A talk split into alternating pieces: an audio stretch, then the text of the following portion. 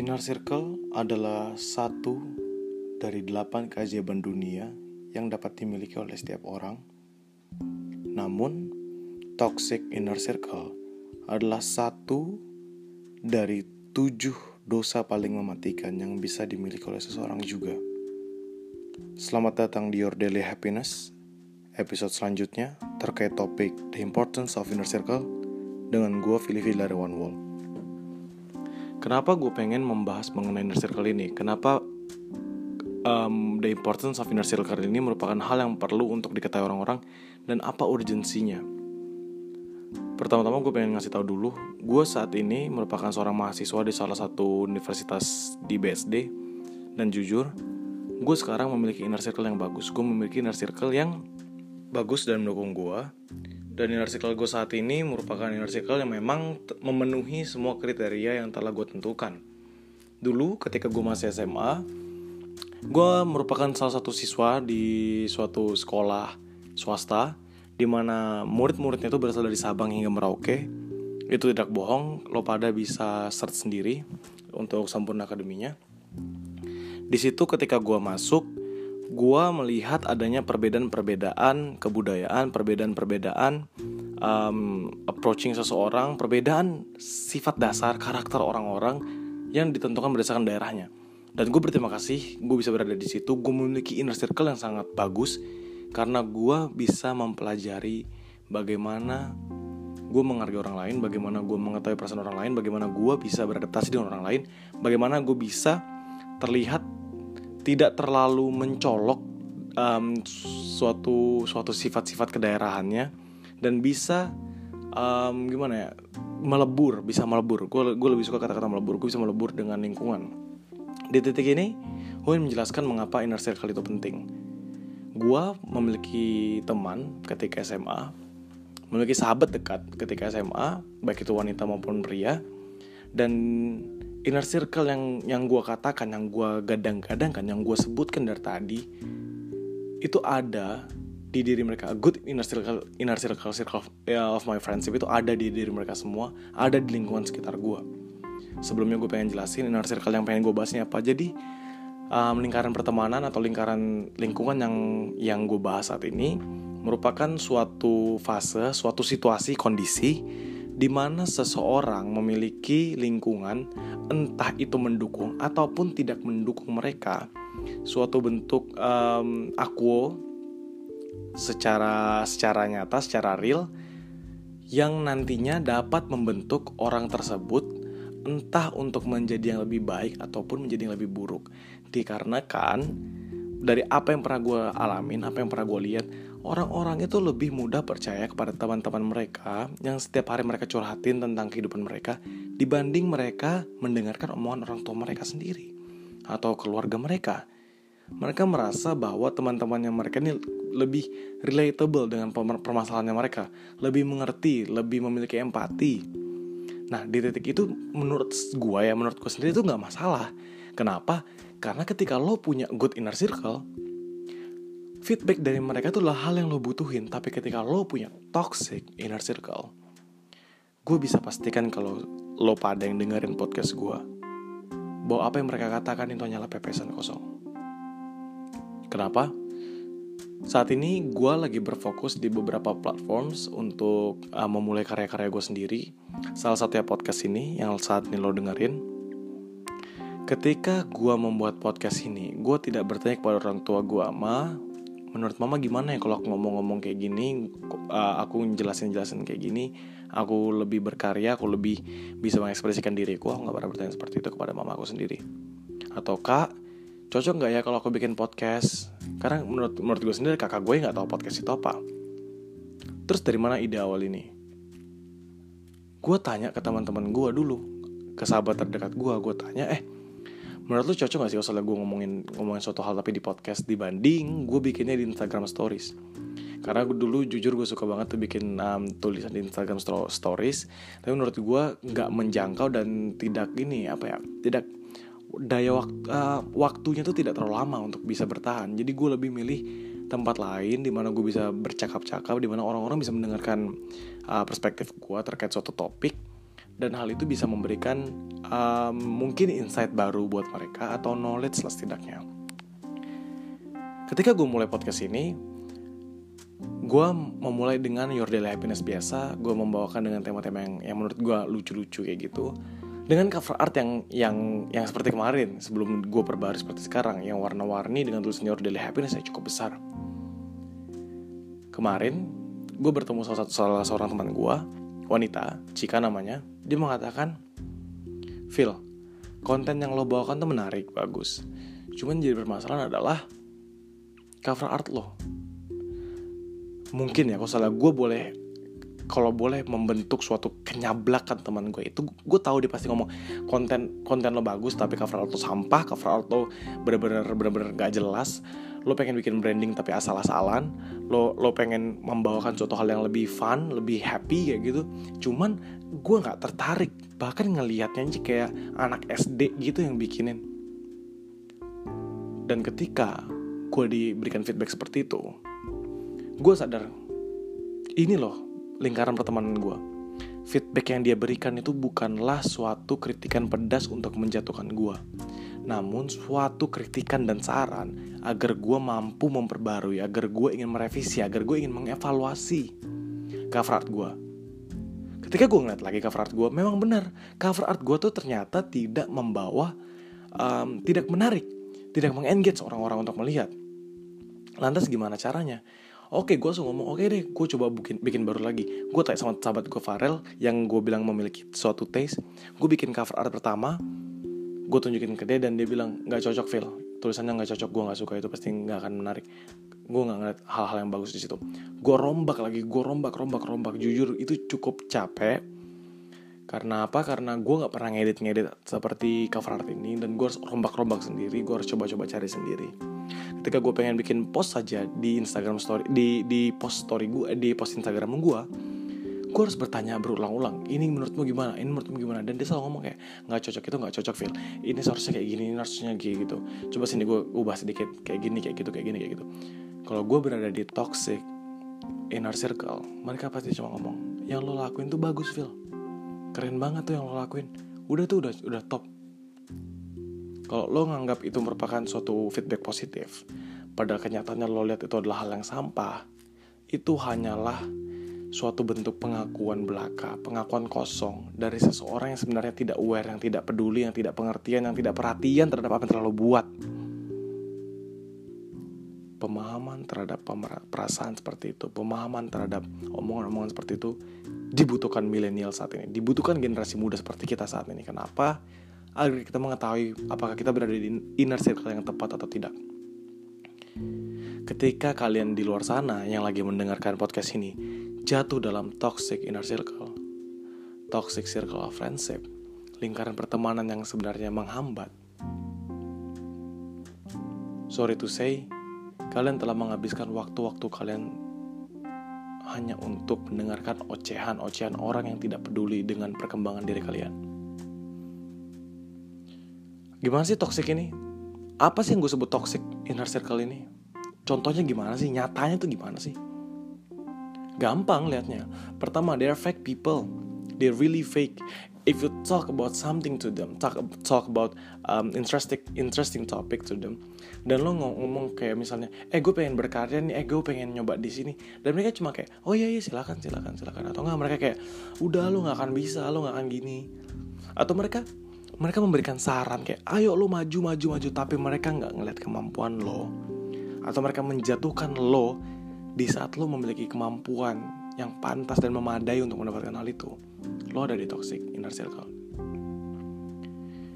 Salah satu contohnya, gue punya abang namanya Ari Oktarian. Dia demen banget. Um, dia memiliki beberapa goals dalam hidupnya dan salah satunya sekarang saat ini ya, saat ini dia sedang berfokus pada dunia YouTube.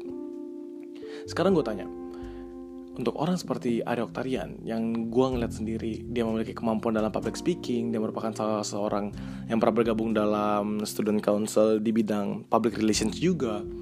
Dan dia memiliki apa ya kemampuan dalam dalam engage orang. Dia ahli dia sudah melalang buana di dunia uh, master of ceremony. Dan saat ini dia ingin ter, terjun ke dunia YouTube, ketika dia berada di toxic inner circle, teman-temannya akan mendinai, teman-temannya akan menolak, teman-temannya akan uh, mengabaikan kemampuan yang dia miliki hanya karena mereka iri, hanya karena mereka tidak ingin melihat teman-teman lainnya berkembang, dikarenakan saat ini mereka posisinya sedang bermalas-malasan. Kalau sampai ada orang-orang seperti itu, kalau sampai kalian merasakan sedang berada di zona itu, jauhi. Kalau memang kalian masih tetap ingin berteman, silahkan berteman. Tapi kalian perlu mencari inner circle baru yang memiliki visi yang sama, yang memiliki tujuan yang sama, yang memiliki um, ketentuan-ketentuan atau syarat-syarat tertentu yang ingin dipenuhi. Misalnya, ketika kalian berkembang, gue pengen banget menjadi sosok yang berbeda keesokan harinya. Gue pengen banget menjadi um, diri gue yang baru gue pengen banget gue mampu untuk mempelajari suatu instrumen baru atau gue bisa berkarya di salah satu platform media sosial misalnya atau di podcast misalnya kalian temuin orang-orang yang memang mendukung kalian. Kalian temuin orang-orang yang memang ingin berkembang juga. Kalian berkumpul kalian saling tukar tukar cerita kalian ngobrol baik-baik akan terlihat itu akan tumbuh di situ inner circle kalian yang mendukung yang dia memberikan feedback eh cocoknya lo tuh sebenarnya di sini karena setelah gue ngeliat kemampuan lo ya lo tuh memang lebih mending berbicara dibanding lo harus kayak bikin tulisan-tulisan ngetik-ngetik karena gue nggak ngeliat sedikit pun kemampuan lo di situ. Atau mungkin ketika lo mendalami kemampuan tulis menulis itu lo juga bisa berkembang tapi tidak akan sepesat ketika lo berbicara. Gue ngerasa sih di situ karena selama ini ya lo mampu untuk menjadi MC lo mampu di public speaking lo memiliki kemampuan bahasa Inggris yang bagus lo juga seneng banget berdebat lo seneng banget ngobrol.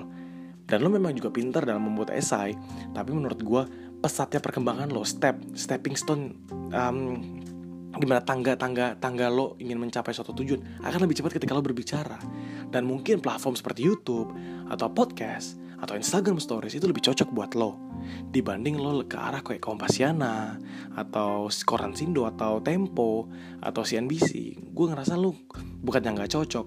Lo akan susah untuk tumbuh di situ walaupun lo memiliki kemampuannya ketika kalian punya teman seperti itu punya teman yang memiliki memberikan feedback seperti itu melihat ke dalam kemampuan lo melihat dari mata lo mengetahui karakter lo dan memberikan saran you are in the good not not in the good you're in the right path of of um, um, exploring yourself dalam mencari jati diri lo dalam mencari the good inner circle for yourself. Misalnya gue gue bikin podcast jujur podcast gue nggak sebagus sebagus yang lain buat misalnya kayak Magna Talks atau kayak Do You See What I See? Atau bahkan podcast Raditya Dika yang sudah hebat banget itu ya Financial Good Talks. Terus apa? Apa gue harus mundur? Ketika gue mulai terjun ke dalam dunia podcast ketika gue share di story gue yang gue harapin tuh satu bahwa inner circle gue teman-teman yang berada di lingkaran gue itu mendukung gue ketika mereka tidak mendukung gue gue pengen mereka memberikan kritik mereka memberikan feedback. Mereka memberitahukan kepada gue apa yang tidak cocok. Atau apakah ada hal lain yang bisa gue lakukan apa hal lain yang bisa gue improve. Dan ketika ketika gue mulai di, di podcast gue ini gue melihat bahwa gue berada di inner circle yang tepat.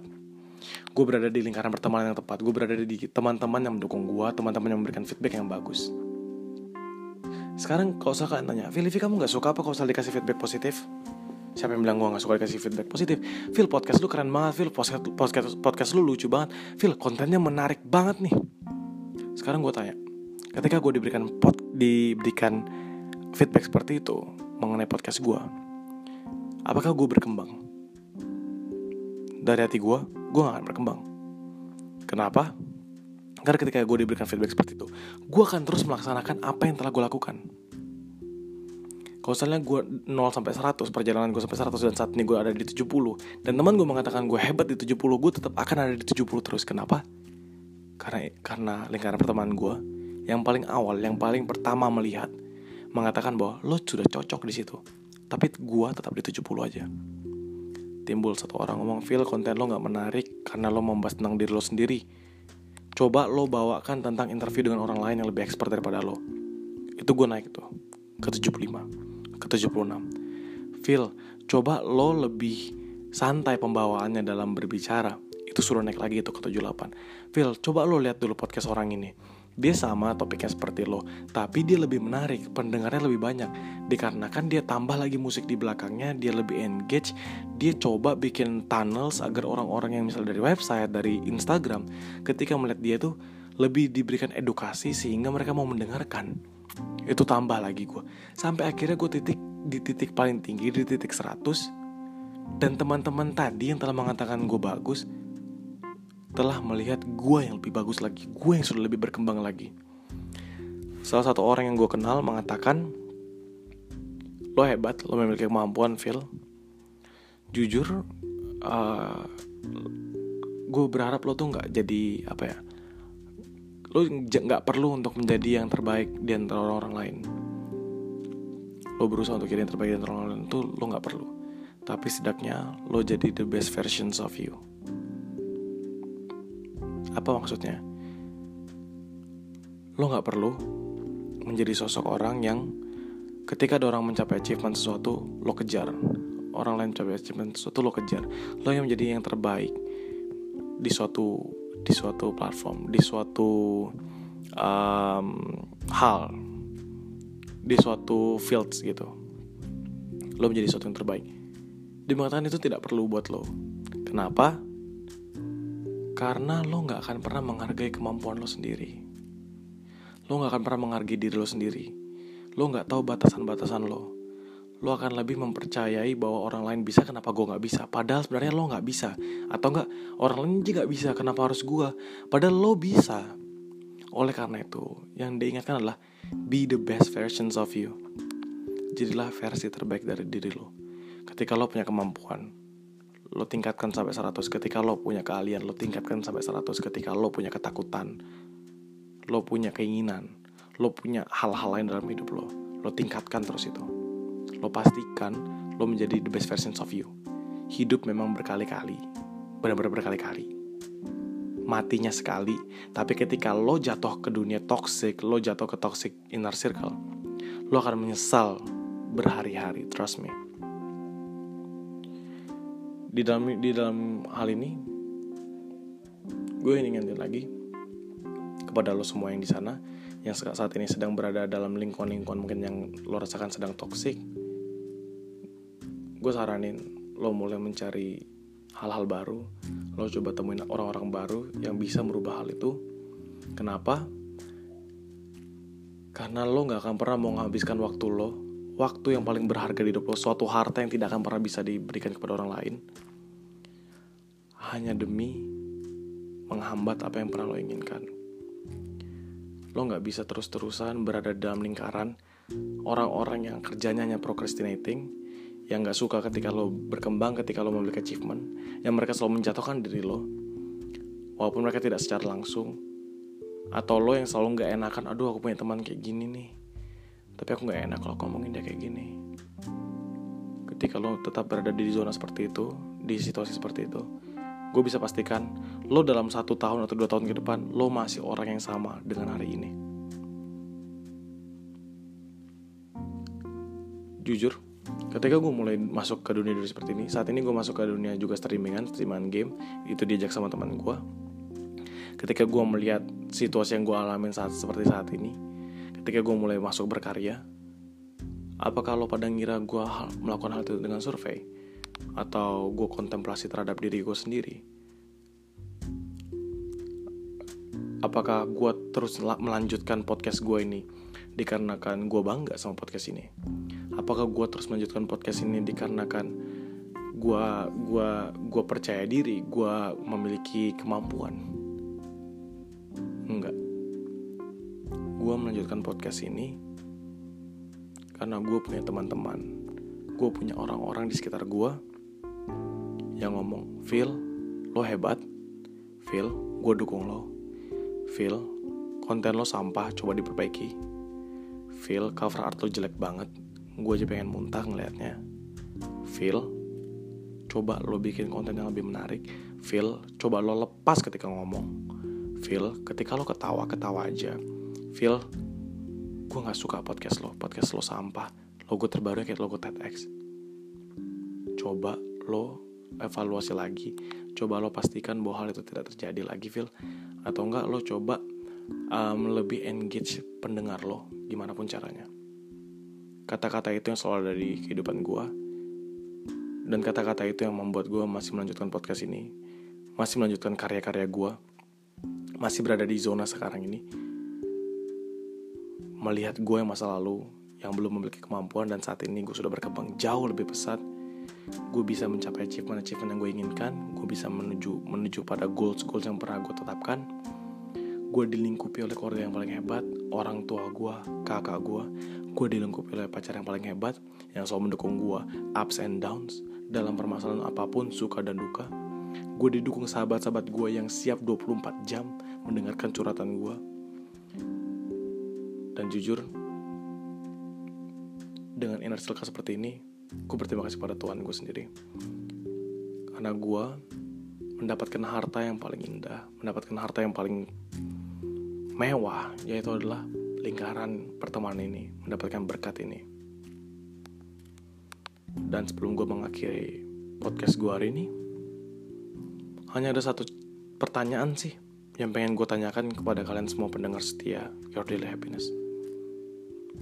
Sudahkah kalian berada di the best circle of friendship, the best inner circles of your life? Kalau belum, go find it. Cheers.